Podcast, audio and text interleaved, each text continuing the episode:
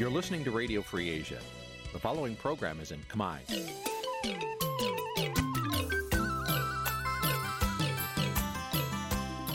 នេះជាកម្មវិធីផ្សាយ Vuthu Azizi Serai នេះជាកម្មវិធីផ្សាយរបស់ Vuthu Azizi Serai ជាភាសាខ្មែរ Vuthu Azizi Serai សូមស្វាគមន៍លោកអ្នកនាងទាំងអស់ពីរដ្ឋធានី Washington នៃសហរដ្ឋអាមេរិក ផ្សាយផ្ទាល់ពីរដ្ឋធានី Washington នាងខ្ញុំខែសុណងសូមជម្រាបសួរលោកនាងកញ្ញាប្រិយមិត្តអ្នកស្ដាប់វិទ្យុអាស៊ីសេរីទាំងអស់ជាទីមេត្រីយើងខ្ញុំសូមជូនកម្មវិធីផ្សាយសម្រាប់ព្រឹកថ្ងៃអាទិត្យ12កើតខែមិញឆ្នាំឆ្លូវត្រីស័កពុទ្ធសករាជ2565ដែលត្រូវនឹងថ្ងៃទី13ខែកុម្ភៈគ្រិស្តសករាជ2022ចាជាដំបូងនេះសូមអញ្ជើញលោកនាងស្ដាប់ព័ត៌មានប្រចាំថ្ងៃដែលមានមេតិការដូចតទៅ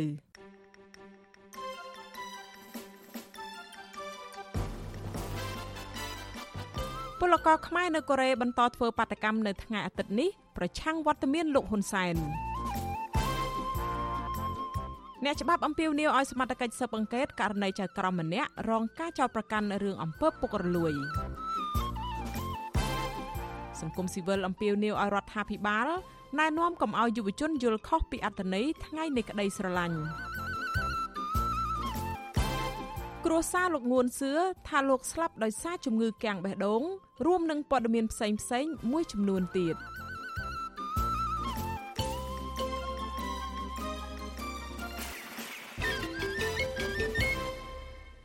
ចាជាបន្តទៅនេះនាងខ្ញុំខែសុណងសូមជូនព័ត៌មានទាំងនេះពឹស្ដាចាលោកនាងជាទីមេត្រីលោកនាយករដ្ឋមន្ត្រីហ៊ុនសែនបានទៅទទួលពានរង្វាន់សន្តិភាពសុនហៈ ពីអង្គការសហព័ន្ធសន្តិភាពសកលរួចហើយនៅទីក្រុងសេអ៊ូលពលរដ្ឋខ្មែររស់នៅប្រទេសកូរ៉េខាងត្បូងមិនពេញចិត្តចំពោះការប្រគល់ពានរង្វាន់នេះទេហើយនាំគ្នាធ្វើបាតកម្មប្រឆាំងលោកហ៊ុនសែនដែលពួកគាត់ចាត់ទុកថាជាមេដឹកនាំផ្ដាច់ការរំលោភសិទ្ធិមនុស្សនិងបំផ្លាញលទ្ធិប្រជាធិបតេយ្យចាលោកជាតិចំណានរាយការណ៍ព័ត៌មាននេះលោកហ៊ុនសែនបានទទួលពានរង្វាន់សន្តិភាពសុនហៈរួចហើយក្រុមសម្លេងរិះគន់នឹងការតវ៉ាចំទាស់ ពីប្រជាពលរដ្ឋខ្មែររស់នៅក្នុងប្រទេសកូរ៉េខាងត្បូងលោកហ៊ុនសែនថ្លែងក្នុងពិធីទទួលពានរង្វាន់ថាលោកពិតជារំភើបនិងមានកិត្តិយសក្រៃលែងដែលគណៈកម្មាធិការពានរង្វាន់សន្តិភាពសុនហៈទទួលស្គាល់ស្នាដៃរបស់លោកក្នុងការបញ្ចប់សង្គ្រាមស៊ីវិលនិងកសាងសន្តិភាពពេញលេញនៅកម្ពុជាមេដឹកនាំដែលចូលចិត្តប្រើភាសាហិង្សាគំរាមកំហែងនិងតែងតែប្រមានបង្កសង្គ្រាមប្រសិនបើចាញ់ឆ្នោតរូបនេះបន្តថាសន្តិភាព មានតម្លៃជាងអ្វីអ្វីទាំងអស់ សន្តិភាពគឺជាអ្វីដែលស្រស់ស្អាតបំផុត សន្តិភាពផ្ដល់នូវក្តីសង្ឃឹមនិងស្នាមញញឹមដល់មនុស្សគ្រប់រូបអតីតកម្មាភិបាលខ្មែរក្រហមរូបនេះបញ្ញាចិត្តថាលោកនឹងបន្តការពារនិងលើកស្ទួយសន្តិភាពបន្ថែមទៀតនយោបាយឆ្នើជំនេះបានជំរុញឲ្យប្រទេសកម្ពុជាទទួលបាននូវសន្តិភាពពេញលេញនៅក្នុងឆ្នាំ1998 គោលនយោបាយឆ្នើនេះបានអនុញ្ញាតឲ្យរាជរដ្ឋាភិបាលប្រកកាយយកចិត្តទុកដាក់ទៅស្រុកទៅលើការអភិវឌ្ឍជាគណៈតែប្រជាជនកម្ពុជាទទួលបានផលប្រយោជន៍និងកលានុវត្តភាពពីសន្តិភាពនិងការអភិវឌ្ឍទោះជាយ៉ាងណាការផ្ដល់ពានរង្វាន់ដល់លោកហ៊ុនសែននេះបានបណ្ដាលឲ្យមានការរិះគន់ប្រងព្រាតនៅលើបណ្ដាញសង្គម Facebook និងថែមទាំងផ្ទុះបាតកម្មតវ៉ាប្រឆាំងពីសំណាក់ប្រជាពលរដ្ឋខ្មែរដែលរស់នៅក្នុងប្រទេសកូរ៉េខាងត្បូងទៀតផង ក្រុមបាតកោប្រមាណ10នាក់បានធ្វើបាតកម្មដុតភ្លើងទៀនជាង1ម៉ោងនៅប្រលប់ថ្ងៃសៅរ៍និងមានការចាក់បញ្ចាំងវីដេអូអំពីអំពើរំលោភសិទ្ធិមនុស្សនៅកម្ពុជាដែលប្រព្រឹត្តដោយអាជ្ញាធររបស់រដ្ឋាភិបាលលោកហ៊ុនសែនអ្នកនាំពាក្យនៃចលនាប្រជាធិបតេយ្យសង្គ្រោះជាតិនៅប្រទេសកូរ៉េខាងត្បូងលោកម៉ាត់វ៉ានីថ្លែងថា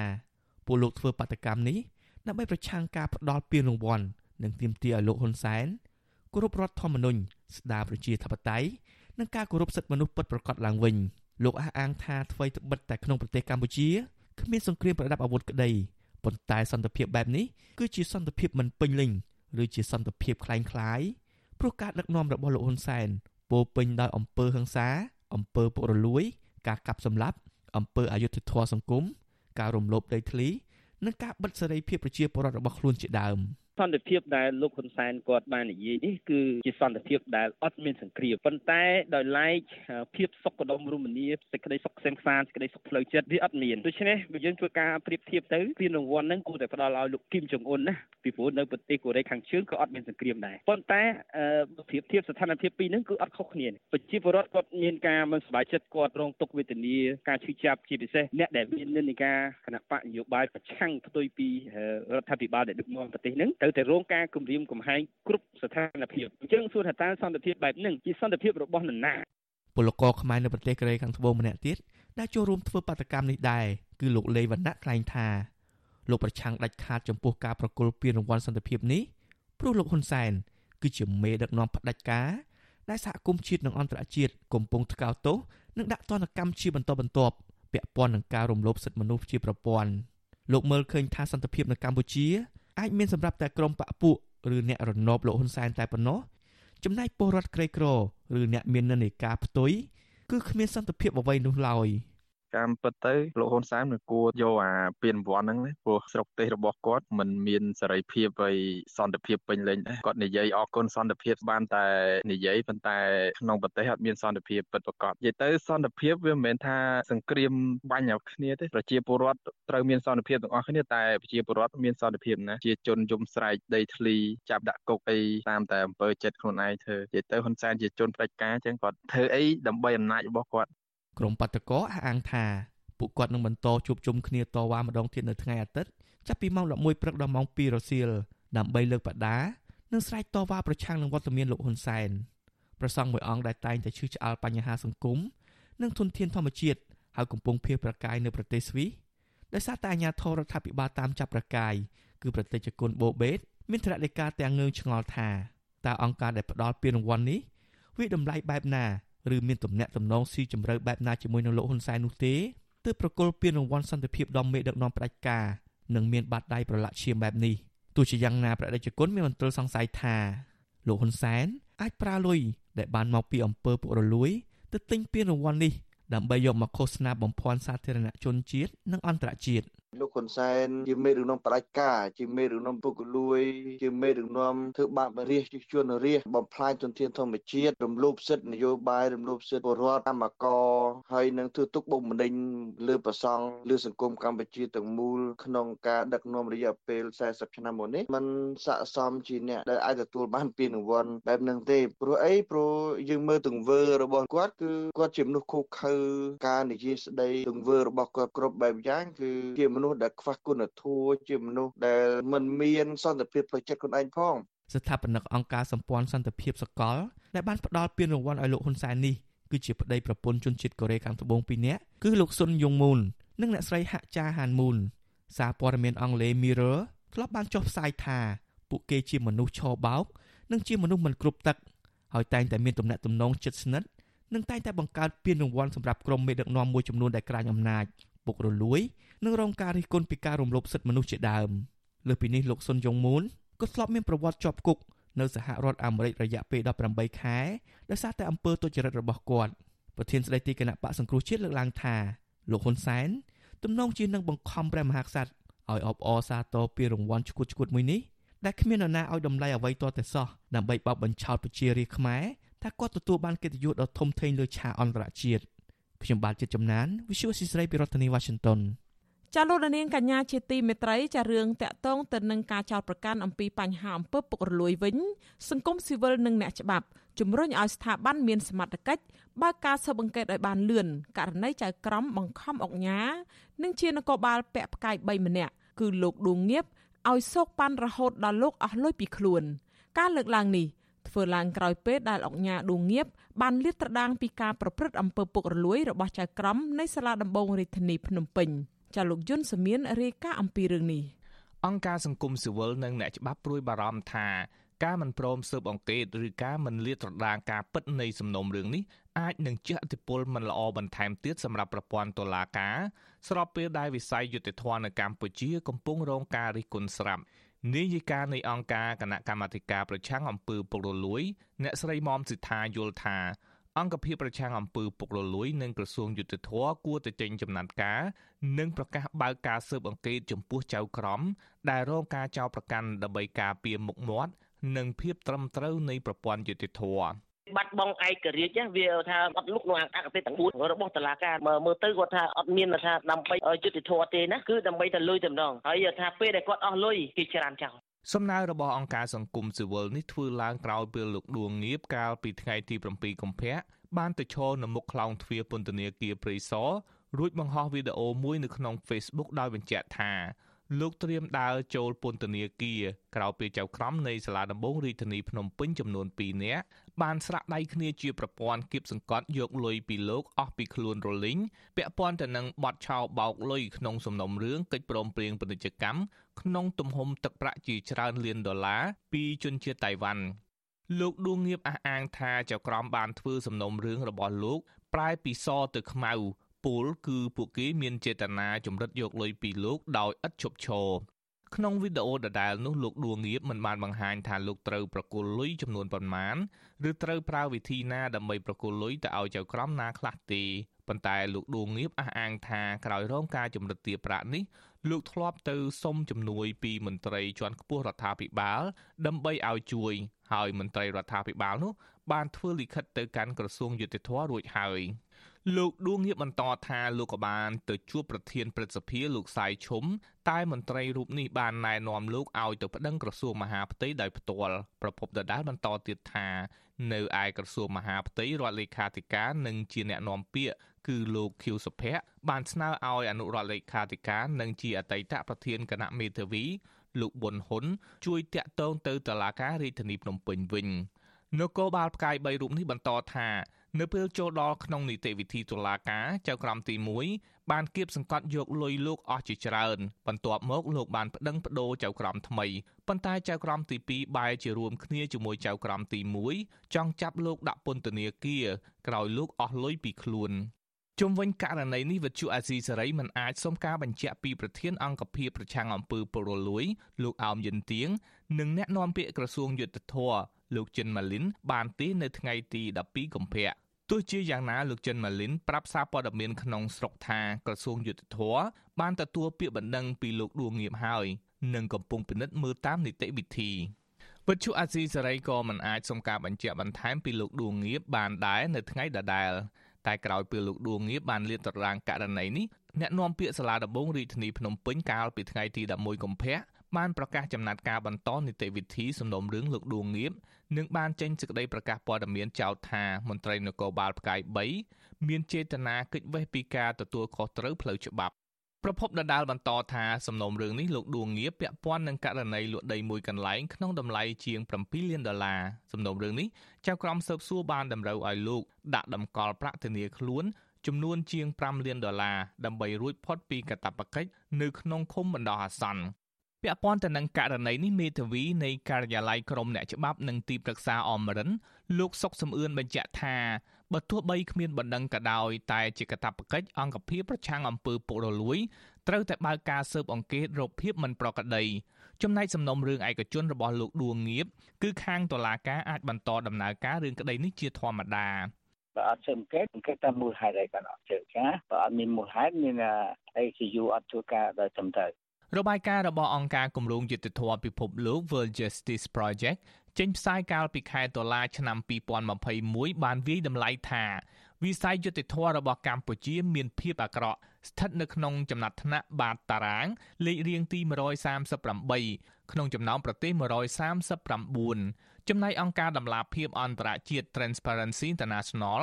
កាលពីខែមករាក៏បានចេញផ្សាយរបាយការណ៍រកឃើញថាពេញមួយឆ្នាំឆ្នាំ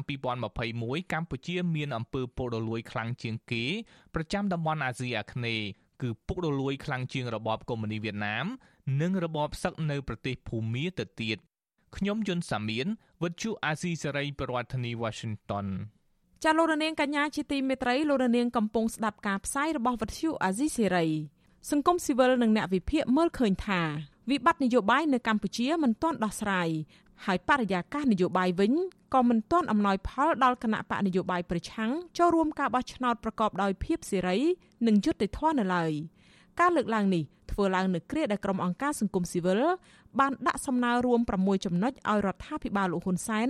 ដោះស្រាយដើម្បីធានាឲ្យមានការបោះឆ្នោតមួយដែលប្រព្រឹត្តទៅដោយសេរីត្រឹមត្រូវនិងយុត្តិធម៌ ចាលោកនាងនៅបានស្ដាប់សេចក្តីរាយការណ៍នេះពុស្ដានៅពេលបន្តិចទៀតនេះ។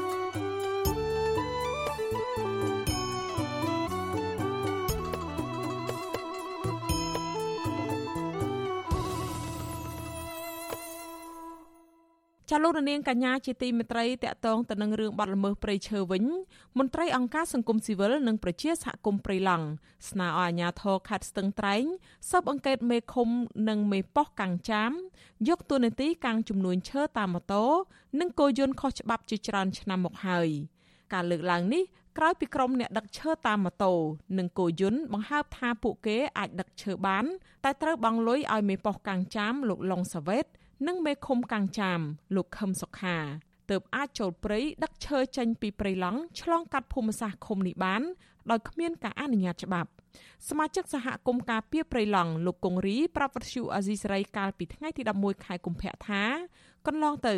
លោកបានរាយការណ៍ករណីនេះឲ្យអាជ្ញាធរស្រុកចាត់វិធានការលើមេឃុំនិងមេប៉ោះរូបនេះដែរតែគ្មានបានផលអ្វីនោះទេលោកសង្កេតឃើញថាស្ទើរតែរៀងរាល់ថ្ងៃក្រុមអ្នកដឹកឈើតាមម៉ូតូចេញពីព្រៃឡង់ឆ្លងកាត់ឃុំកាំងចាមមិនក្រោម100ម៉ូតូទេរីឯអាជ្ញាធរទាំងនោះមិនត្រឹមតែគ្មានវិធានការនោះឡើយតែបែរជាយកទួនាទីកាងបាត់ល្មើសព្រៃឈើនិងទទួលផលប្រយោជន៍ពីបាត់ល្មើសដដែលៗ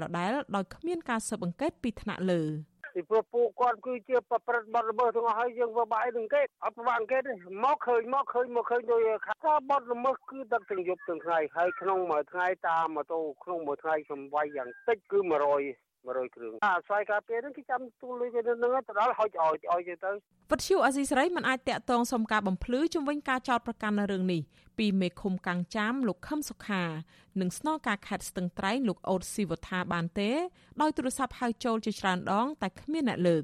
ចំណែកនៃប៉ុស្តិ៍នគរបាលឃុំកាំងចាមលោកឡុងសាវ៉េតក៏មិនអាចសុំការបំភ្លឺបានដែរដោយប្រពន្ធរបស់លោក បានលើកទូរស័ព្ទជំនួសហើយនិយាយថាលោកកំពុងជាប់រវល់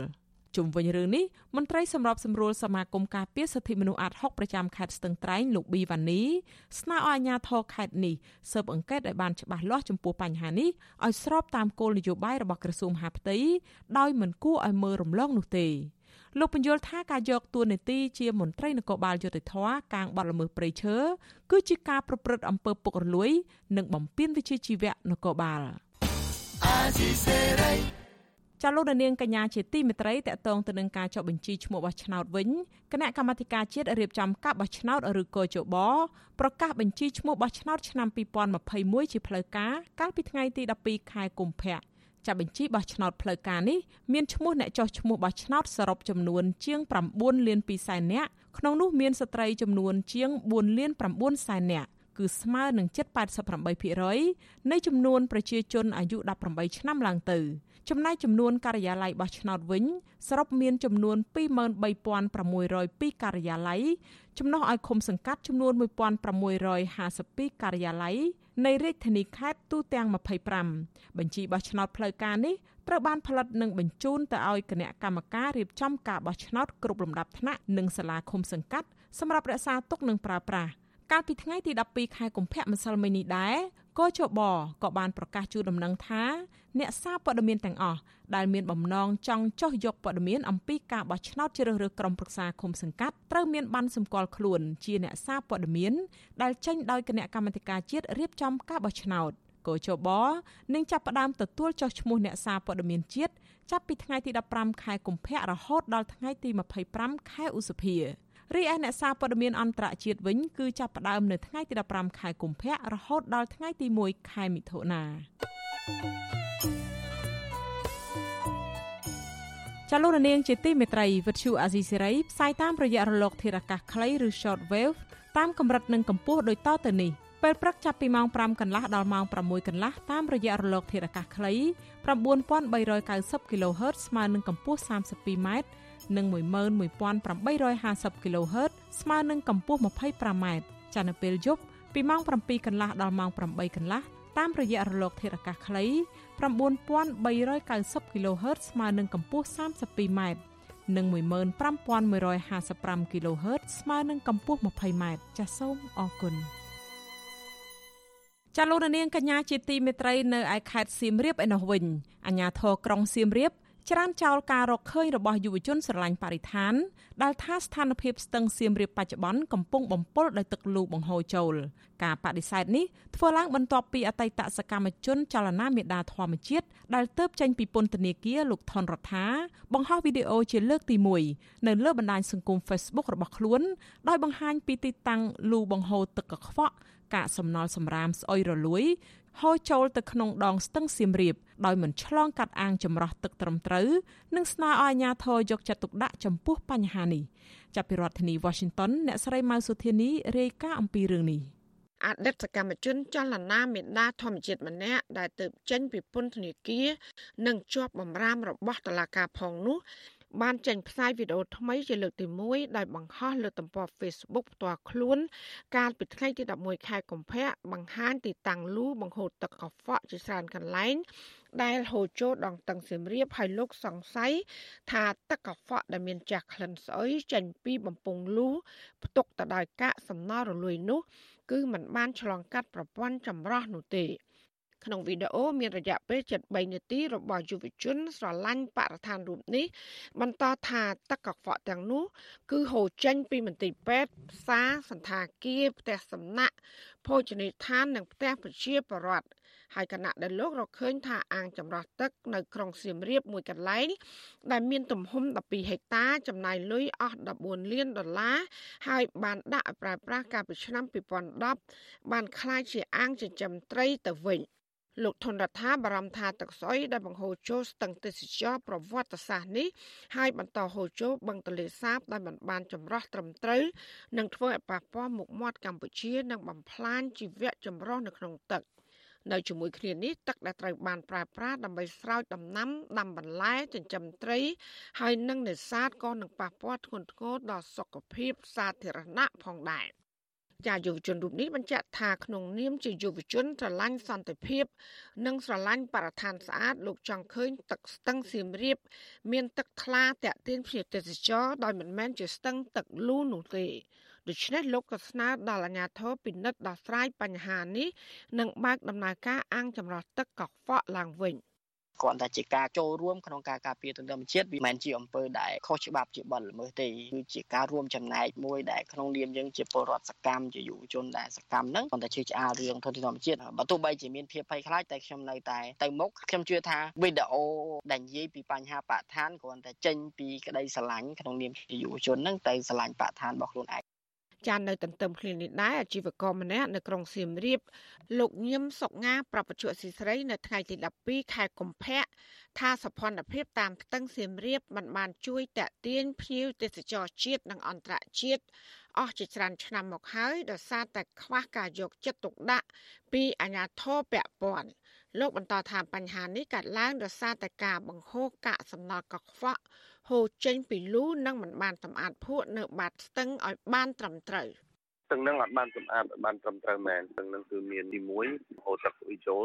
ទី2មានកាកសំណល់ផ្សេងផ្សេងជាច្រើនទី3នៅបាតស្ទឹងហ្នឹងគឺវាមានជាមួយនឹងភក់អត់ស្អាតច្រើនអញ្ចឹងនិយាយចំទៅគឺស្ទឹងសៀមរាបហ្នឹងគឺអត់ទាន់បានសម្អាតឲ្យស្អាតទេវាប៉ះពាល់ភ្ញៀវទេសចរមែនខ្ញុំរស់នៅសៀមរាបខ្ញុំស្នើសុំអាជ្ញាធរគួរតែមានទេវតា ឆ្លើយតបរឿងនេះអភិបាលក្រុងសៀមរាបលោកនួនពុទ្ធិរាប្រពន្ធអសីសេរីថាកន្លងមកអាជ្ញាធរបានយកចិត្តទុកដាក់លើបញ្ហាបរិស្ថានទីក្រុង ដើម្បីទាក់ទាញភ្ញៀវទេសចរលោកអះអាងថាដងស្ទឹងសៀមរាបបច្ចុប្បន្ននេះគឺមានសភនភាពហើយទឹកនៅក្នុងស្ទឹង គឺហូរចេញពីលូទឹកភ្លៀងប៉ុណ្ណោះដោយមិនមានការបង្ហូរទឹកកខ្វក់ពីការប្រាស្រ័យដូចជាការលើកឡើងនោះឡើយ ព្រោះថាអាញាធរបានរៀបចំប្រព័ន្ធនៃការបង្ហូរទឹកលូទាំងពីរដាច់ដោយឡែកពីគ្នារីឯអាងចម្រោះទឹកមួយកន្លែងនៅភូមិកន្ត្រកសង្កាត់ស្វាយដង្គមវិញលោកក៏បានបញ្ជាក់ថាកំពុងដំណើរការធម្មតាហើយអាជ្ញាធរខេត្តក៏គ្រងរៀបចំទីតាំងចម្រោះទឹកមួយកន្លែងទៀតនៅស្រុកប្រាសាទដើម្បីពង្រីកសមត្ថភាពចម្រោះទឹកផងដែរ វីដេអូនេះខ្ញុំនឹងពិនិត្យមើលថាឥឡូវខ្ញុំអត់ទាន់ឃើញណាថាឥឡូវប្រព័ន្ធលូយើងមានជាពីរចែកឯកគ្នាមួយលូកខ្វក់ដែលចេញពីតាមការប្រើប្រាស់របស់បងប្អូនហ្នឹងមួយខ្សែផ្សេងហើយលូទឹកភ្លៀងមួយខ្សែផ្សេងអត់អត់បញ្ចូលគ្នាទេហើយរាល់កន្លែងនេះបញ្ចូលដងស្ទឹងទាំងអស់សុទ្ធតែទឹកភ្លៀងមិនមានទឹកលូទេណាឥឡូវនេះពាក់ព័ន្ធដងស្ទឹងយើងឥឡូវស្អាតបរិស្ថានក្នុងក្រុងទាំងអស់យើងកំពុងតែរៀបចំតែតម្រង់រៀបចំឡើងវិញពាក់ព័ន្ធនឹងការថែសាបរិស្ថាន ទោះយ៉ាងណាលោកថនរដ្ឋាបញ្ជាក់ថាវីដេអូនេះកើតចេញពីក្តីស្រឡាញ់របស់លោកចំពោះបរិស្ថានពុំមានចេតនាញុះញង់និងបង្ខូចកេរ្តិ៍ឈ្មោះរដ្ឋាភិបាលនោះឡើយលើពីនេះលោករីករាយក្នុងការបង្ហាញទីតាំងទាំងនោះទៅកាន់អាជ្ញាធរដើម្បីផ្ដល់ដំណោះស្រាយនិងទទួលបានការគ្រប់គ្រងពីសំណាក់ប្រជាពលរដ្ឋ ចាកន្លងទៅយុវជនចលនាមេដាធម្មជាតិធ្លាប់បានបង្ហោះវីដេអូទាមទាររដ្ឋាភិបាល បញ្ឈប់ការលុបបង្ខំធម្មជាតិនិងការពៀបរិស្ថានបណ្ដាលឲ្យតុលាការចោទប្រកាន់ពួកគេ ពីបទញុះញង់បទរួមគំនិតក្បត់ និងបទប្រមាថព្រះមហាក្សត្រជាដើម ក៏ប៉ុន្តែក្រោយពីមានការថ្កោលទោសពីសហគមន៍អន្តរជាតិរដ្ឋាភិបាលបានដោះលែងពួកគេឲ្យនៅក្រៅឃុំបណ្ដោះអាសន្នកាលពីចុងឆ្នាំ2021ក្រោមលក្ខខណ្ឌតឹងរឹងជាច្រើនរបស់តុលាការចាទោះជាយ៉ាងនេះក្តីអតីតយុវជនចលនាមេដាធម្មជាតិនៅតែបន្តធ្វើកិច្ចការពីបរិស្ថានតទៅទៀតពីព្រោះថាសកម្មភាពទាំងនោះគឺដើម្បីបម្រើផលប្រយោជន៍សាធារណៈនិងការពារដោយរដ្ឋធម្មនុញ្ញ ចានាងខ្ញុំម៉ៃសុធានីវិទ្យុអាស៊ីសេរីប្រធានាធិបតី Washington ចាលោកនាងកញ្ញាជាទីមេត្រីរឿងដាច់ដោយឡែកមួយទៀតភរិយាលោកងួនសឿអតីតអគ្គស្នងការរងនគរបាលជាតិគឺលោកស្រីអេឡែនងួនសឿឲ្យដឹងកាលពីថ្ងៃទី11ខែកុម្ភៈថាលោកងួនសឿស្លាប់ដោយសារជំងឺគាំងបេះដូងទោះបីជាយ៉ាងនេះក្តីលោកស្រីនៅតែមិនអស់ចិត្តនោះទេដោយសារតែស្វាមីលោកស្រីបានស្លាប់លឿនពេក ខ្ញុំនៅតែមិនអស់ចិត្តហ្នឹងព្រោះថាវាវាថ្មីថ្មីពេកបន្ទាប់ពីគាត់សម្ភាសនៅវិទ្យុអាស៊ីសេរីហើយហ្នឹងស្រាប់តែវាមានចាំងបេះដូងនឹងកើតឡើងវាហាក់ដូចជាធ្វើឲ្យខ្ញុំនឹងមិនអស់ចិត្តទៅអឺដល់អញ្ចឹងហើយបានខ្ញុំថាខ្ញុំទទួលយកមិនបានលោកងួនសឿបានទទួលមរណភាពនៅប្រទេសបារាំងកាលពីថ្ងៃសៅរ៍ទី29ខែមករាកន្លងទៅ ក្រុមគ្រួសារបានរៀបចំបូជាសពលោកងួនសឿរួចរាល់ហើយលោកស្រីអេឡែនងួនសឿបន្ថែមថាក្រុមគ្រូពេទ្យប្រទេសបារាំងក៏ចង់ធ្វើកសលវិច័យដែរតែកូនចៅរបស់លោកស្រីមិនព្រមរឿងដែលខ្ញុំមិនអនុញ្ញាតនោះព្រោះថាទី1កូនចៅខ្ញុំគេនិយាយថាបើធ្វើកសលវិច័យហ្នឹងណាវាត្រូវវះកាត់ ហើយដល់អញ្ចឹងទៅវាធ្វើឲ្យខូចខាតសពនឹងកូនចៅដូចថាមិនសប្បាយចិត្តនឹងទទួលយកហើយម្យ៉ាងទៀតគេត្រូវដឹកយកទៅឆ្ងាយពីផ្ទះប្រហែលជា2ឬ3អាទិត្យនៅឯខាង Grenoble តម្រាំនឹងកុសលវិច័យនឹងវាចប់ត្រូវត្រឡប់មកវិញវាត្រូវនៅយូរតទៅទៀតហើយកូនចៅវារីងរៃវាពិបាកចិត្តអញ្ចឹងហើយបានជាកូនចៅមិនទទួលយកទេកុសលវិច័យនឹង ដំណឹងមរណភាពរបស់លោកងួនសឿនេះធ្វើឲ្យមានការភ្ញាក់ផ្អើលជាខ្លាំងពីក្រុមអ្នកតាមដានសង្គមមួយចំនួន ពីព្រោះថាលោកបានស្លាប់នេះគឺនៅក្រៅពេលដែលលោកបានលាតត្រដាងអំពីសេណារីយ៉ូរបស់លោកនាយករដ្ឋមន្ត្រីហ៊ុនសែនក្នុងការសម្លាប់អតីតមន្ត្រីជាន់ខ្ពស់គណៈបកហ្វុនស៊ិនប៉ិចដែលធ្លាប់ជាដៃគូប្រកួតប្រជែងដ៏ស្វិតស្វាញកាលពីមុនមុនទទួលមរណភាព លោកងួនសឿបានរៀបរាប់ថាលោកហុកឡង់ឌីអតីតអគ្គស្នងការនគរបាលជាតិជាអ្នកបញ្ជាកូនចៅរបស់ខ្លួនឲ្យទៅបាញ់សម្លាប់លោកហូសុករដ្ឋលេខាធិការក្រសួងមហាផ្ទៃនិងមន្ត្រីជាន់ខ្ពស់គណៈបកហ្វុនស៊ិនប៉ិចជាច្រើនអ្នកទៀតរួមទាំងលោកជាវិជាជាអតីតប្រធានសហជីពសេរីកម្មករផងលោកងួនសឿបានចោទថាលោកហុកឡង់ឌីធ្វើតាមបញ្ជារបស់លោកហ៊ុនសែន មកទល់ពេលនេះរដ្ឋាភិបាលមិនទាន់ឆ្លើយតបជាផ្លូវការជំវិញការចោទប្រកាន់នេះនៅឡើយទេ នៅមុនពេលស្លាប់លោកងួនសឿឲ្យដឹងថាលោកក៏នឹងនៅមានរឿងរ៉ាវជាច្រើនទៀតដែរដែលលោកចង់លាតត្រដាង ជាពិសេសអំពីរឿងអ្នកនៅពីក្រោយរដ្ឋប្រហារទម្លាក់សម្ដេចក្រមព្រះនរោត្តមរណរដ្ឋចេញពីនាយករដ្ឋមន្ត្រីទី1ថ្ងៃទី5ទី6កក្កដាឆ្នាំ1997ជាដើម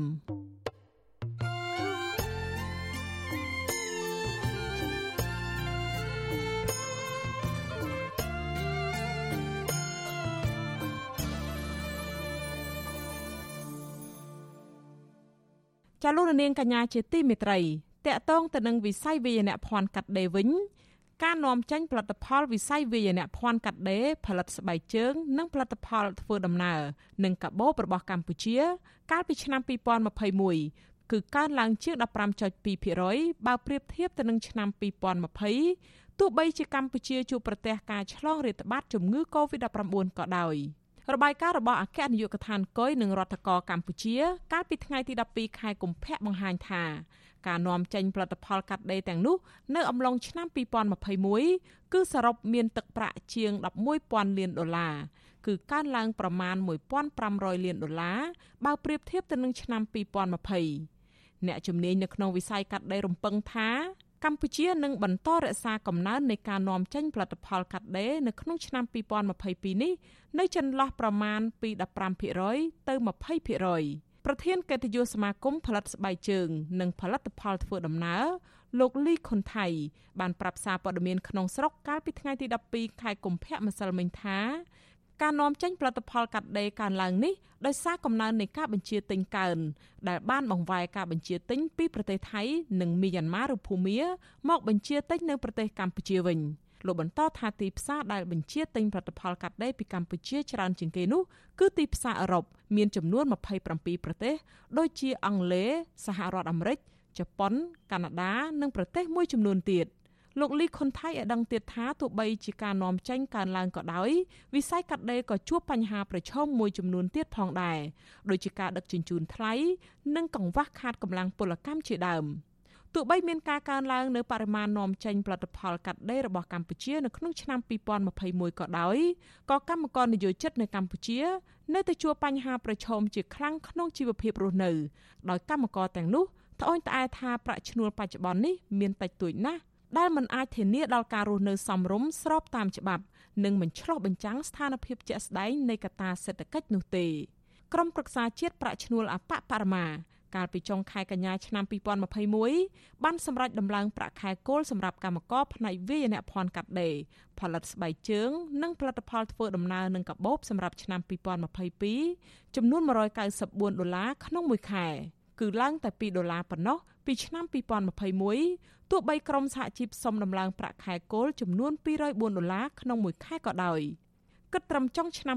2021រោងចក្រសហគ្រាសដែលបានចុះបញ្ជីផ្លូវការក្នុងវិស័យនេះបានកើនឡើងដល់ប្រមាណជាង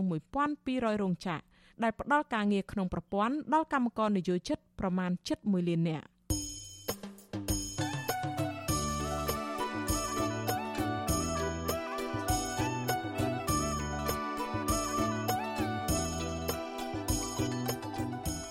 ចាលោករនាងកញ្ញាប្រិមមអ្នកស្ដាប់ការផ្សាយរបស់វិទ្យុអាស៊ីសេរីផ្សាយចេញពីរដ្ឋធានី Washington នៃសហរដ្ឋអាមេរិកចាក្រៅពីលោករនាងស្ដាប់ការផ្សាយរបស់យើងតាមបណ្ដាញសង្គម Facebook និង YouTube នោះចាលោករនាងក៏អាចស្ដាប់ការផ្សាយរបស់យើងតាមរយៈរលកធារកាសខ្លីឬ Shortwave តាមកម្រិតនិងកម្ពស់ដូចតទៅនេះចាប់ពេលព្រឹកចាប់ពីម៉ោង5កន្លះដល់ម៉ោង6កន្លះតាមរយៈរលកធារកាសខ្លី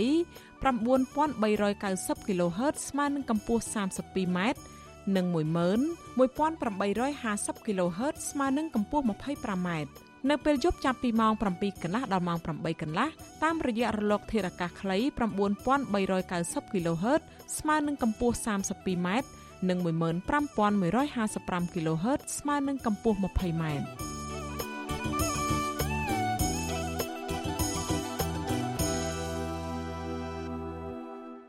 ចាលោកនាងកញ្ញាជាទីមេត្រីចាតកតងទៅនឹងរឿងថ្ងៃ14កុម្ភៈដែលជាថ្ងៃប្រារព្ធនៃក្តីស្រឡាញ់វិញអ្នកធ្វើការងារតកតងថ្ងៃ14កុម្ភៈនឹងយុវជនលើកឡើងថាយុវជនសពថ្ងៃមានការយល់ដឹងច្រើនពីអត្ថន័យនៃថ្ងៃក្តីស្រឡាញ់14កុម្ភៈនេះទោះជាយ៉ាងណាពួកគាត់នៅតែជំរុញឲ្យរដ្ឋាភិបាលឬស្ថាប័នពាក់ព័ន្ធមានការផ្សព្វផ្សាយបន្ថែមទៀតដើម្បីកុំឲ្យយុវជនចាត់ទុកថ្ងៃ14កុម្ភៈថាជាថ្ងៃក្តីស្រឡាញ់តែសម្រាប់ដៃគូសង្សារនោះ។ ទោះតិចឬច្រើននៅពេលដល់ថ្ងៃ14កុម្ភៈម្ដងម្ដងយុវជនមួយចំនួនបានជូនផ្កាឲ្យគ្នាជូនកាដូគ្នា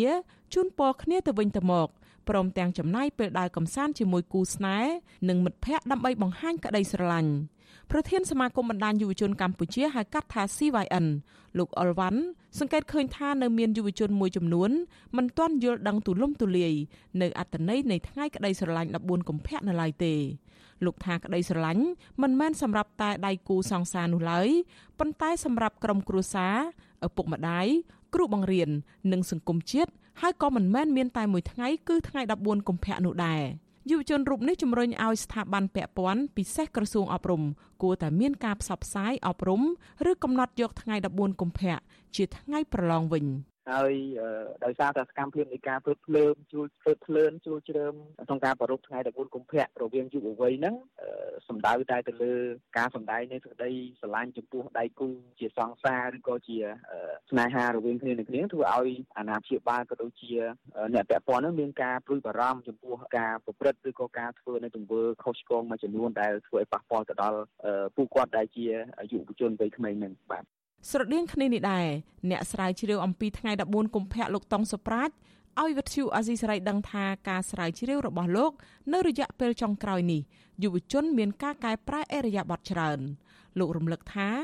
កាលពី15ឆ្នាំមុនយុវជនភៀកច្រើន បានហៅថ្ងៃ14កុម្ភៈថាជាថ្ងៃបុណ្យសង្សារនិងបានបូជាខ្លួនប្រាណទៅឲ្យដៃគូសង្សាររបស់ពួកគេនៅក្នុងថ្ងៃនោះ ប៉ុន្តែមកដល់ពេលនេះមានយុវជនត្រឹមតែ5%ប៉ុណ្ណោះដែលនៅគិតដូច្នេះមានការថយចុះគាត់ហាក់បីដូចជាចាស់ទុំជាងមុនគាត់ហាក់បីដូចយល់ដឹងបានច្រើននៅការប្រព្រឹត្តរបស់ពួកគាត់ហាក់បីដូចជាមិនឈូឆរបង្ហាញដោយការពី10ជាងឆ្នាំមុនសង្ឃថាយើងអាចនិយាយថា15ឆ្នាំមុនបាទឃើញខុសគ្នាស្រឡះហ្នឹងហើយឃើញអ្វីដែលយើងអង្កេតឃើញបាទ លោកតុងសុប្រាជលើកឡើងទៀតថាមូលហេតុដែលធ្វើឲ្យយុវជនមានការផ្លាស់ប្ដូរអរិយាប័ត្រនេះព្រោះមានការចូលរួមពីអ្នកពាក់ព័ន្ធរួមមានរដ្ឋាភិបាល អ្នកស្រាវជ្រាវប្រព័ន្ធផ្សព្វផ្សាយក្រុមគ្រួសារនិងការរិះគន់តាមបណ្ដាញសង្គមជាដើម។ ទោះជាបែបនេះក្តីអ្នកស្រាវជ្រាវរូបនេះនៅតែរំលឹកយុវជនមួយចំនួនតូចដែលមានបំណងជួបគូស្នេហ៍ក្នុងថ្ងៃ14កុម្ភៈនេះក្នុងពេលជំងឺ Covid-19 កំពុងរាតត្បាតដោយសពថ្ងៃនេះថាជាហានិភ័យនៃការឆ្លងរាលដាលជំងឺ Covid-19 ត្រូវតែប្រុងប្រយ័ត្នយុវវ័យគាត់បើឆ្លោះធ្លួយមួយគឺគាត់គាត់ជួបគ្នាអត់បានរួមទេក៏គាត់អាចឆ្លងអូមីក្រុងដែរណាតែកូវីដដែរអញ្ចឹងកន្លែងហ្នឹងត្រូវទៅប្រយ័ត្នទាំងមួយ step ទី2ហ្នឹងចំណុចចំណុចទី2ហ្នឹងគឺតើតើនឹងការរួមភេទបើគាត់ជ្រួជ្រួជាការរួមក្នុងការរួមភេទគាត់ត្រូវតែប្រើប្រាស់ស្រោមអនាម័យដើម្បីបង្ការការពារ ជុំវិញបញ្ហានេះវិទ្យុអាស៊ីសេរីមិនអាចសុំការអធិប្បាយពីអ្នកនាំពាក្យក្រសួងអប់រំយុវជននិងកីឡាលោករស់សុវិចានិងអ្នកនាំពាក្យរដ្ឋាភិបាលលោកផៃស៊ីផានបានឡើយទេ នៅថ្ងៃទី12ខែកុម្ភៈទោះយ៉ាងណានៅរយៈពេលចុងក្រោយនេះក្រសួងអប់រំតែងតែចេញសេចក្តីណែនាំតាក់ទងថ្ងៃ14កុម្ភៈឬក៏កំណត់ដាក់ថ្ងៃប្រឡងចំថ្ងៃ14កុម្ភៈជាដើមថ្ងៃ14កុម្ភៈ បានកត់ត្រាក្នុងឯកសារខ្លះថា មានដើមកំណើតមកពីលោក Sans Valentine ជាជនជាតិរ៉ូម៉ាំងម្នាក់ដែលបានបាត់បង់ជីវិតដោយសារតែការប្រឆាំងដាច់ខាតមិនលះបង់ជំនឿទៅលើព្រះយេស៊ូវគ្រីស្ទហើយបរិះនេះបានទទួលមរណភាពនៅថ្ងៃទី14ខែកុម្ភៈប៉ុន្តែឆ្នាំ មានការសរសេរខុសៗគ្នាខ្លះថាឆ្នាំ296ខ្លះថាឆ្នាំ270និងខ្លះទៀតថាឆ្នាំ273ជាដើម ដោយសារហេតុផលនេះហើយទើបថ្ងៃទី14កុម្ភៈត្រូវបានគេកំណត់យក ថាជាទិវា Valentine's Day ឬក៏ថ្ងៃនៃក្តីស្រឡាញ់វប្បធម៌របស់ប្រទេសលោកខាងលិចនេះបានចូលមកដល់សង្គមខ្មែរជិត20ឆ្នាំមកហើយនៅកម្ពុជាដំបូងឡើយថ្ងៃ14កុម្ភៈនេះគេហៅថាជាថ្ងៃបុណ្យសង្សារក្រោយមកបដូរទៅជាទិវានៃក្តីស្រឡាញ់និងចុងក្រោយ គេហៅថាជាថ្ងៃនៃក្តីស្រឡាញ់វិញ។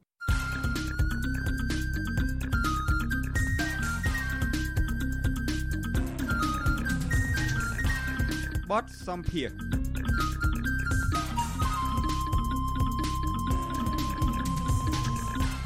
ចាលោករនាងកញ្ញាជាទីមេត្រីតកតងទៅនឹងថ្ងៃនៃក្តីស្រឡាញ់នេះដែរអ្នកសិក្សាស្រាវជ្រាវផ្នែកសុខភាពសាធារណៈនិងបននៃក្តីស្រឡាញ់មើលឃើញថាក្រមយុវជនភៀកច្រើនបានយល់ដឹងអំពីអត្តន័យនៃថ្ងៃក្តីស្រឡាញ់14កុម្ភៈ ការយល់ដឹងនេះលោកបានបញ្ជាក់ថាយុវជនខ្មែរកាន់តែមានចំណេះដឹងមានការពិចារណាខ្ពស់និងដោយសារមានការចូលរួមអប់រំយ៉ាងសកម្មពីមជ្ឈដ្ឋានជុំវិញខ្លួនរបស់ពួកគេចាសសូមលោកនាងស្ដាប់បទសម្ភាសន៍របស់លោកសេកបណ្ឌិតជាមួយលោកតុងសប្រាជជុំវិញបញ្ហានេះដូចតទៅតាមការអង្កេតប្រមាណថ្ងៃមួយនេះហើយនឹងក្តីរំពឹងចំពោះថ្ងៃ14កុម្ភៈមកដល់ខាងមុខនេះស្ថានភាពការយល់ដឹងការប្រារព្ធសកម្មភាពផ្សេងផ្សេងមានភាពជំជឿរំជួលឬមួយក៏ អធិកធមឬមួយក៏យ៉ាងណាទេក្នុងបរិបទដែលប្រទេសកម្ពុជា កំពុងមានជំងឺ Covid-19 ផងនេះបាទបាទអឺបើតាមសង្កេតអឺ តាំងពីកូវីដចូលមកតាំងពីឆ្នាំ2000 2020 2020 2021មកដល់បច្ចុប្បន្ននេះគឺហាក់បីដូចជាស៊ីគ្នាទៅនឹងការសិក្សាស្រាវជ្រាវដែលខ្ញុំបានរកឃើញនៅឆ្នាំ2019ហើយនិន្នាការគឺមានការធ្លាក់ចុះជាងពាក់កណ្ដាល ហើយការចូលរួមលក្ខណៈឈូឆនឹងគឺហាក់បីដូចមានភាពស្ងប់ស្ងាត់ហើយយុវវ័យហាក់បីដូចជាមានភាពចាស់ទុំច្រើនជាងមុនទទួលបានព័ត៌មានច្រើនគ្រប់ជ្រុងជ្រោយក៏ប៉ុន្តែអ្វីដែលវាជាហានិភ័យដែលយើងគិតថា អាចយុវវ័យនៅក្មេងជួនកាលអាចគាត់មិនទាន់បានទទួលនៅព័ត៌មានហ្នឹងគឺអាចជ្រួជ្រោះនៅថ្ងៃហ្នឹងដោយឆក់ល្វែងណាមួយនៅពេលដែលគាត់បានទទួលព័ត៌មានអានឹងជាចំណុចដែលយើងគិតថាវាជានៅតែជាហានិភ័យហើយអ្វីដែលសំខាន់នោះទៀតគឺការដែលយើង ដល់ព័ត៌មានតផ្សព្វផ្សាយតទៅគ្នាគាត់ជ្រាបគាត់ទទួលបានហើយហើយឥឡូវនេះកំពុងតែមានរឿងពីរដែលយើងត្រូវតែគិតហើយយើងត្រូវពិចារណាដោះស្រាយពីដំណើរគ្នារឿងកូវីដនៃការឆ្លងអូមីក្រុងហើយរាជរដ្ឋាភិបាលក៏បានមានការផ្ដល់ព័ត៌មានមានន័យថាប្រមានពីការជួបជុំគ្នា ដែលអាចងាយឆ្លងសម្រាប់យុវវ័យនៅថ្ងៃនៃក្តីស្រឡាញ់ហ្នឹងក៏ ក៏ជាផ្នែកមួយនៃនៃការប្រមានរបស់រាជរដ្ឋាភិបាលដែរអញ្ចឹងក្នុងករណីហ្នឹងទីមានពីរចំណុចដែលយើងត្រូវតែគិតទី1តកតងជាមួយនឹងអូមីក្រុងហ្នឹងជំងឺដែលងាយនឹងឆ្លងនៅផ្សិនបើគាត់ជួបគ្នាអឺដែលចៃដន្យណាមួយគឺជាឱកាសគាត់គិតថាអាចរួមភេទនឹងជាចំណុចទី2ដែលគឺអាចឈាននឹងការឆ្លងមេរោគអេដឬមួយក៏ជំងឺឆ្លងតាមផ្លូវភេទឬមួយក៏ កម្មករពោះដោយចៃដន្យណាមួយអញ្ចឹងចំណុចទាំងអស់ហ្នឹងគឺអ្វីដែល ជាការព្រួយបារម្ភបើទោះបីជាទិន្នន័យយើងឃើញថាការធ្លាក់ចុះអេរយៈរយៈប័តមានការផ្លាស់ប្ដូរក៏ប៉ុន្តែក្នុងនាមយើងជាអ្នកស្រាវជ្រាវក្នុងនាមយើងជាអ្នកអប់រំសុខភាពសាធារណៈយើងនៅតែបង្ហាញនៅគោលជំហរក្នុងការផ្សព្វផ្សាយឲ្យមានភាពទូលំទូលាយដើម្បីកុំឲ្យមានការផ្លាំងផ្លាត់ទោះបីចំណុចម្នាក់ឬមួយក៏ពីរនាក់ឬមួយក៏ មួយចំនួនតូចក៏ដោយក៏វាជាវិបដិសេរីរបស់គាត់នៅពេលដែលគាត់បានប្រព្រឹត្តហើយមិនត្រូវបានសង្គមគេផ្ដល់អំឡ័យឲ្យទៀតអញ្ចឹងវាទៅដាក់សម្ពាធទៅលើខាងគាត់បាទធ្លាក់ចុះនេះធ្លាក់ចុះនៃការមិនសូវជាចាប់អារម្មណ៍ប្រារព្ធនៅប៉ុននៃក្តីស្រឡាញ់នេះដែលជាវប្បធម៌ហូរចូលពីបរទេសឬមួយក៏ធ្លាក់ចុះពាក់ព័ន្ធនឹងការដែលមិនយល់អំពីអត្តន័យនៃប៉ុននេះបាទ តកតងអត្តន័យឲ្យស៊ីជម្រៅគាត់មិនសូវជាចាំច្បាស់ទេក៏ប៉ុន្តែគាត់យល់ពីខ្លឹមសារត្រង់ថាឥឡូវហ្នឹងបញ្ហាហ្នឹងគឺគឺគឺគាត់ទទួលបានចំណេះដឹងថាវាជាប្រភេទហានិភ័យក៏ប៉ុន្តែអ្វីដែលធ្លាក់ចុះហ្នឹងខ្ញុំចង់បកស្រាយថាតិន័យវាផ្ដើមឡើងពីការជួលជើមនិយាយសម្ាញ់ទៅជួលជើមពេលមួយឆាវហ្នឹងយើងទុកតន់តន់អាហ្នឹងវា អាចទៅដល់ការរួមភេទហើយអញ្ចឹងកន្លែងហ្នឹងគឺចង់យកធ្លាក់ចុះតាំងពីការចាប់ដើមជួលជើងមកឥឡូវក៏ហាក់បីដូចជារបៀបស្រឡាញ់ឬមួយក៏របៀប romantic របស់គាត់ហ្នឹងហាក់បីដូចជា មានភាពចាស់ទុំច្រើនជាងមុនបាទយល់ច្រើនហ្នឹងហើយអឺបើប្រៀបធៀបមួយប្រទេសថៃហ្នឹងលាក់ចុះហ្នឹងគឺចង់និយាយថាវាហាក់បីដូចជាមានការឆ្លងគ្នាទៅវិញទៅមករវាងវប្បធម៌យើងជាមួយនឹងថៃហ្នឹងដោយសារទំនិញឬមួយក៏ការផ្សព្វផ្សាយគឺយើងភាគច្រើនគឺយើងទិញមកពីប្រទេសថៃ ហើយអ្វីដែលសំខាន់នោះគឺប្រទេសថៃក៏មានការធ្លាក់ចុះដែរគឺមិនសូវជាឈូឆរខ្ញុំខ្ញុំប្រៀបធៀបអ្វីដែលពី15ឆ្នាំមុនដែលខ្ញុំទៅនឹងគឺមានលក្ខណៈពុះ control រហូតដល់អាជ្ញាធរគេចាប់ផ្ដើមរដ្ឋបិទតាំងពីម៉ោងពេលតាំងពីក្មេងៗជុំគ្នាក៏គេផ្អាកការឲ្យឲ្យការជួបជុំគ្នាដែរអញ្ចឹងកន្លែងហ្នឹងគឺធ្វើឲ្យមានការ មានន័យថាប្រព័ន្ធផ្សព្វផ្សាយផងហើយនឹងតាក់ទងជាមួយនឹងការអប់រំបន្ថែមទៀតហើយជាមួយនឹងអាជ្ញាធរគេសស័កស្រាំនៅតែពួតដៃគ្នាពីព្រោះស្រុកថៃគេព្យាយាមគេគិតថាអានឹងជាហានិភ័យសុខភាពសាធារណៈបាទ បាទតកតោនឹងការចូលរួមសស័កសស្រាំដើម្បីទប់ស្កាត់កុំឲ្យមានការអនុវត្តឬមួយក៏ទទួលយកជ្រុលហេតុពេកទៅលើវប្បធម៌បរទេសនេះអឺបាទពីមុនយើងតែងតែលើពាក្យលេបខាយអីច្រើន ពាក់ព័ន្ធនឹងថាផ្កាបកុលផ្កាផ្ផ្កាកុលាបឬមួយក៏ប្រគល់នៅកាដូពានរង្វាន់អីផ្សេងផ្សេងជាការដោះដូរនៅខ្លួនប្រានសម្រាប់ក្រុមយុវវ័យជាដើមការលេបខាយនៅពាក្យនេះវាជាអាចថា ជាការផលចំណេញមួយ ជាការដាស់តឿនជាការអប់រំឬមួយក៏វាអាចថាបរិយាកាសសំខាន់បំផុតនៃការឆ្លងជំងឺ Covid-19 នេះជាចំណុចមួយសំខាន់នៃការឲ្យពួកគាត់មានការប្រុងប្រយ័ត្នហើយកាត់បន្ថយនៃការទទួលយកនៅវប្បធម៌បុណ្យនៃក្តីស្រឡាញ់នេះបាទបាទត្រឹមត្រូវណាស់វាវាវាជាវាមានតំណាក់តំណងគ្នាជាមួយនឹងការដែលចូលរួមដូចជាការប្រព្រឹត្តនឹងហាក់បីដូចជាបើសិនជាគាត់មិនស្គាល់គ្នាចិត្តដិត ឬមួយក៏គាត់មិនធ្លាប់ដើរទៅណាជាមួយគ្នា ពិបាកក្នុងការទំនាក់ទំនងគ្នាដោយសារកូវីដហ្នឹងអញ្ចឹងវាបញ្ហាកូវីដវាអាចចូលរួមចំណែកទប់ស្កាត់នៅ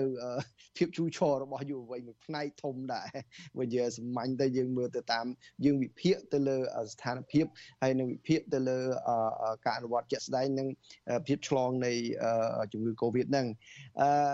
អ្វីដែលសំខាន់ខ្ញុំតែងតែធ្វើការតាមដានជាប់ជានិច្ចដែលក្រសួងអប់រំជាពិសេសអាដាមរដ្ឋមន្ត្រីគាត់តែងតែចេញនៅអសេចក្តីណែនាំក៏ដូចជាការបញ្យលបន្ថែមឲ្យតាមសាលាហ្នឹងមានន័យថាទប់ស្កាត់ឬមួយក៏ពង្រឹងនៅវិន័យនៅក្នុងសាលាហើយជាពិសេសហ្នឹងគឺគាត់ដាក់វិញ្ញាសាប្រឡងនៅពេលហ្នឹងមែន ប៉ុន្តែនៅក្នុងក្នុងសាលាយើងអាចបកស្រាយបានថាជាការទទួលខុសត្រូវរបស់សាលាប៉ុន្តែនៅពេលដែលគាត់ផុតពីសាលានៅពេលចេញពីសាលាហ្នឹងជាទួលនីតិរបស់ពុកម្ដាយតើពុកម្ដាយគាត់ទៅធ្វើអីខ្លះអញ្ចឹងកន្លែងហ្នឹងគឺយើងត្រូវតែមានទំនាក់ទំនងគ្នារវាងសាលាហើយនឹងអាជ្ញាធរដែនដីហើយនឹងពុកម្ដាយដែលមានទំនាក់ទំនងគ្នាអញ្ចឹងចំណុចកន្លែងហ្នឹងគឺ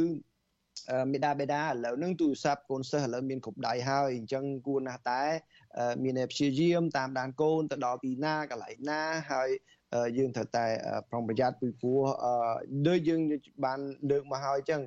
បបពិសោធន៍យើងធ្លាប់មានហើយគាត់មាន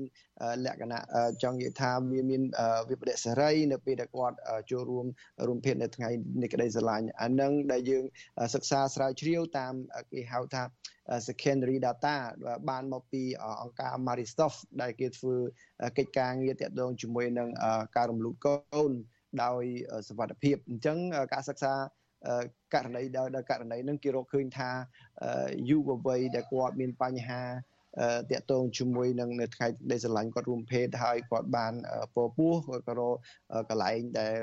មិនបានសុវត្ថិភាពក៏ Maristos គាត់ជួយដើម្បីឲ្យ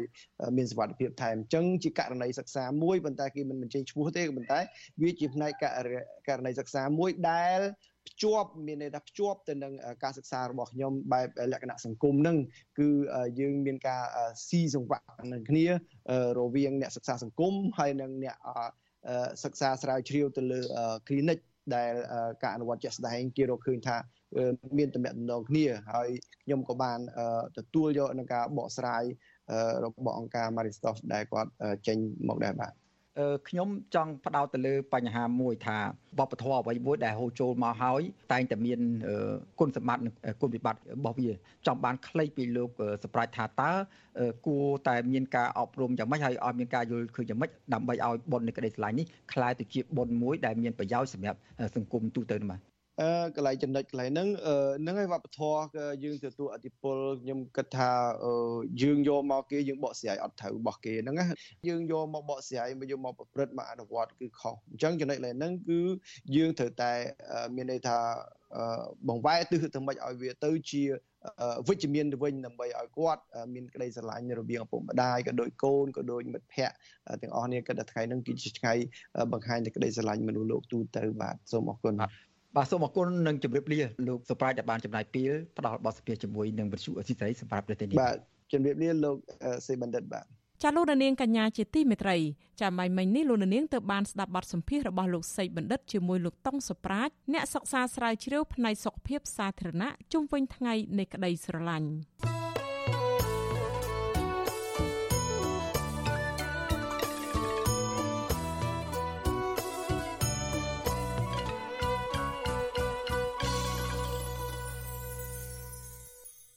ចាលោកនាងកញ្ញាជាទីមេត្រីសង្គមស៊ីវិលនិងអ្នកវិភាគសង្គមមើលឃើញថា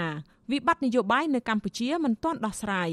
ហើយបរិយាកាសនយោបាយវិញក៏មិនទាន់អំណោយផលដល់គណៈបកនយោបាយប្រឆាំងចូលរួមការបោះឆ្នោតប្រកបដោយភាពសេរីនិងយុត្តិធម៌នៅឡើយការលើកឡើងនេះធ្វើឡើងនៅគ្រាដែលក្រុមអង្គការសង្គមស៊ីវិលបានដាក់សំណើរួម6ចំណុចឲ្យរដ្ឋាភិបាលលោកហ៊ុនសែនដោះស្រាយដើម្បីធានាឲ្យមានការបោះឆ្នោតមួយ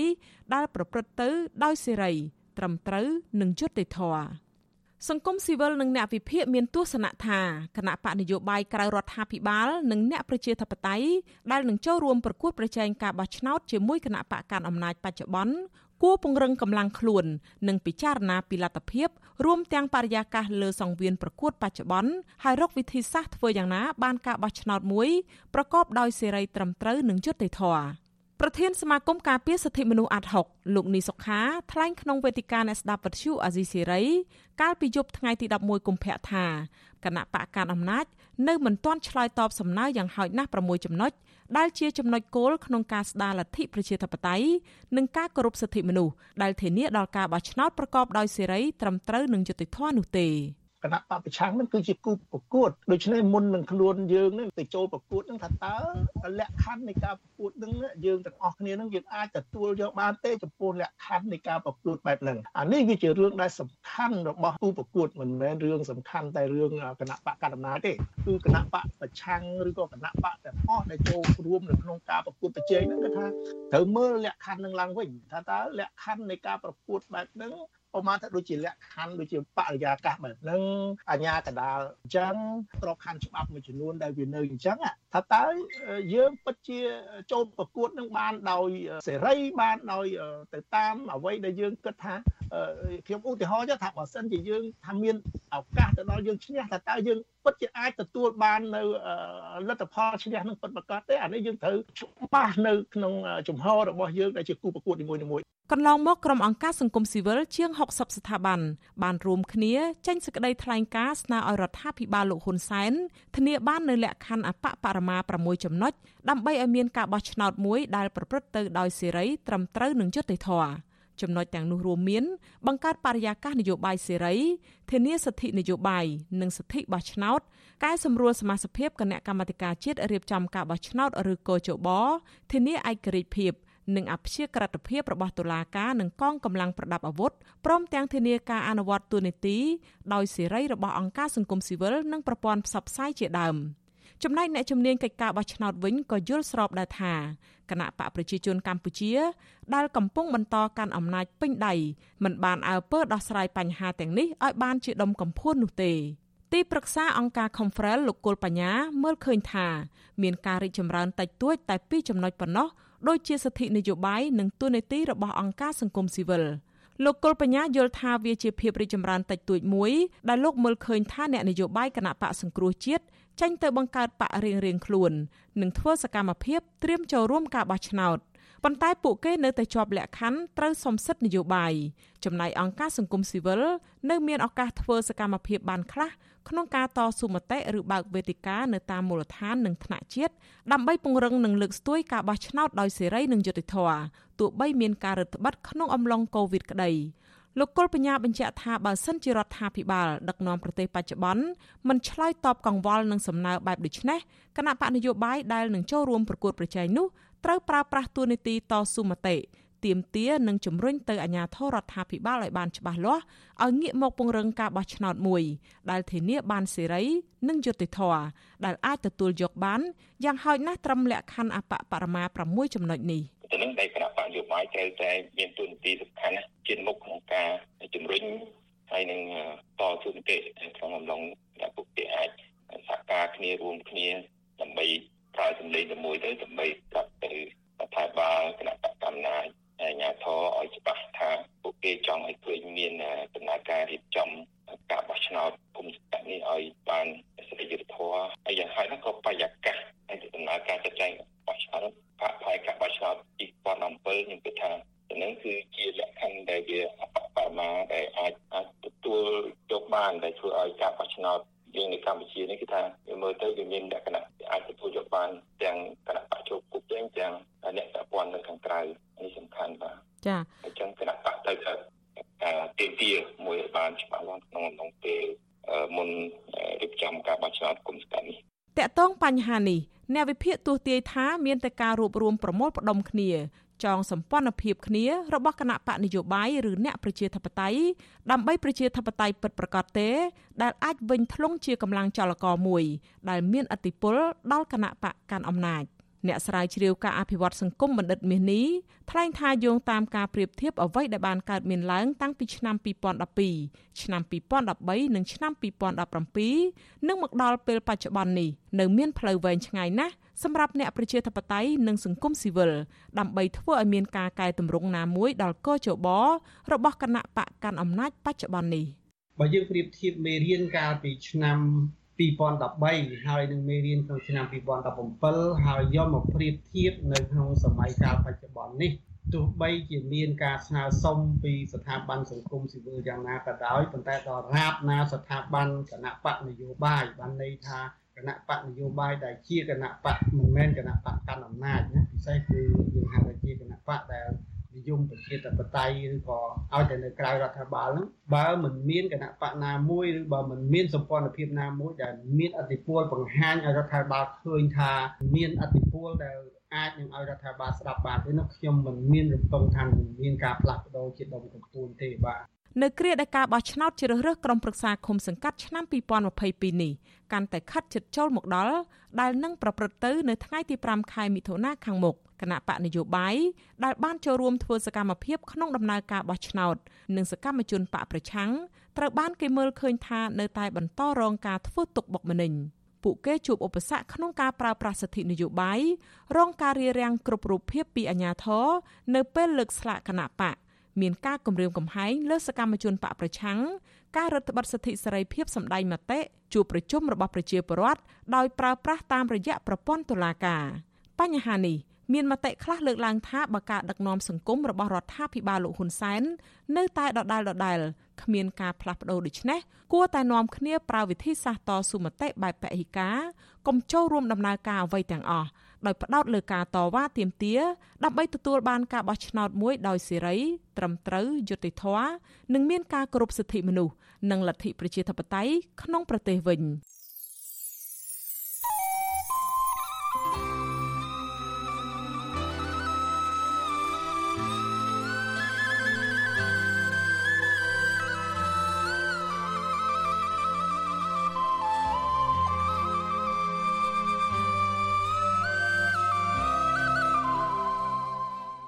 ចាលោករនាងកញ្ញាជាទីមេត្រីការផ្សាយរយៈពេល1ម៉ោងមកនេះបានឈានមកដល់ទីបញ្ចប់ហើយចានាងខ្ញុំសូមជូនពរដល់លោករនាងកញ្ញាទាំងអស់ឲ្យជួបប្រកបតែនឹងសេចក្តីសុខចម្រើនរុងរឿងកុំបីឃ្លៀងឃ្លាតឡើយ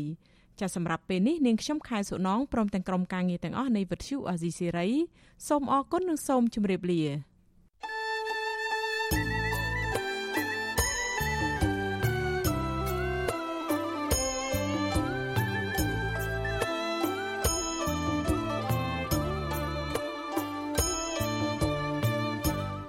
ទ្យុអាស៊ីសេរីផ្សាយតាមរលក ធាតុអាកាសខ្លីឬ short wave តាមកម្រិតនិងកម្ពស់ដូចតទៅនេះពេលព្រឹកចាប់ពីម៉ោង5កន្លះដល់ម៉ោង6កន្លះតាមរយៈរលកធាតុអាកាសខ្លី9390 kHz ស្មើនឹងកម្ពស់ 32m និង11850 kHz ស្មើនឹងកម្ពស់ 25m ពេលយប់ចាប់ពីម៉ោង7កន្លះដល់ម៉ោង8កន្លះតាមរយៈរលកធាតុអាកាសខ្លី 9390 kHz ស្មើនឹងកម្ពស់ 32m និង15155 kHz ស្មើនឹងកម្ពស់ 20m លោកអ្នកនាងក៏អាចស្ដាប់ការផ្សាយផ្ទាល់តាមប្រព័ន្ធអ៊ីនធឺណិតដោយចូលទៅកាន់គេហទំព័រ www.rfa.org/ ខ្មែរក្រៅពីនេះលោកអ្នកនាងក៏អាចអាននិងទស្សនាព័ត៌មានវិទ្យុអេស៊ីសេរីលើទូរស័ព្ទដៃរបស់លោកអ្នកផ្ទាល់ សូមលោកអ្នកនាងចូលទៅកាន់បណ្ដាញសង្គម Facebook ដែលមានអាសយដ្ឋាន www.facebook.com/rfa.cambodia និង YouTube www.youtube.com/rfa ខ្មែរ video សូមលោកអ្នកនាងចុច like និងចុច subscribe ដើម្បីទទួលបានព័ត៌មានថ្មីៗទាន់ហេតុការណ៍និងទស្សនាវីដេអូផ្សេងៗទៀតបានគ្រប់ពេលវេលា។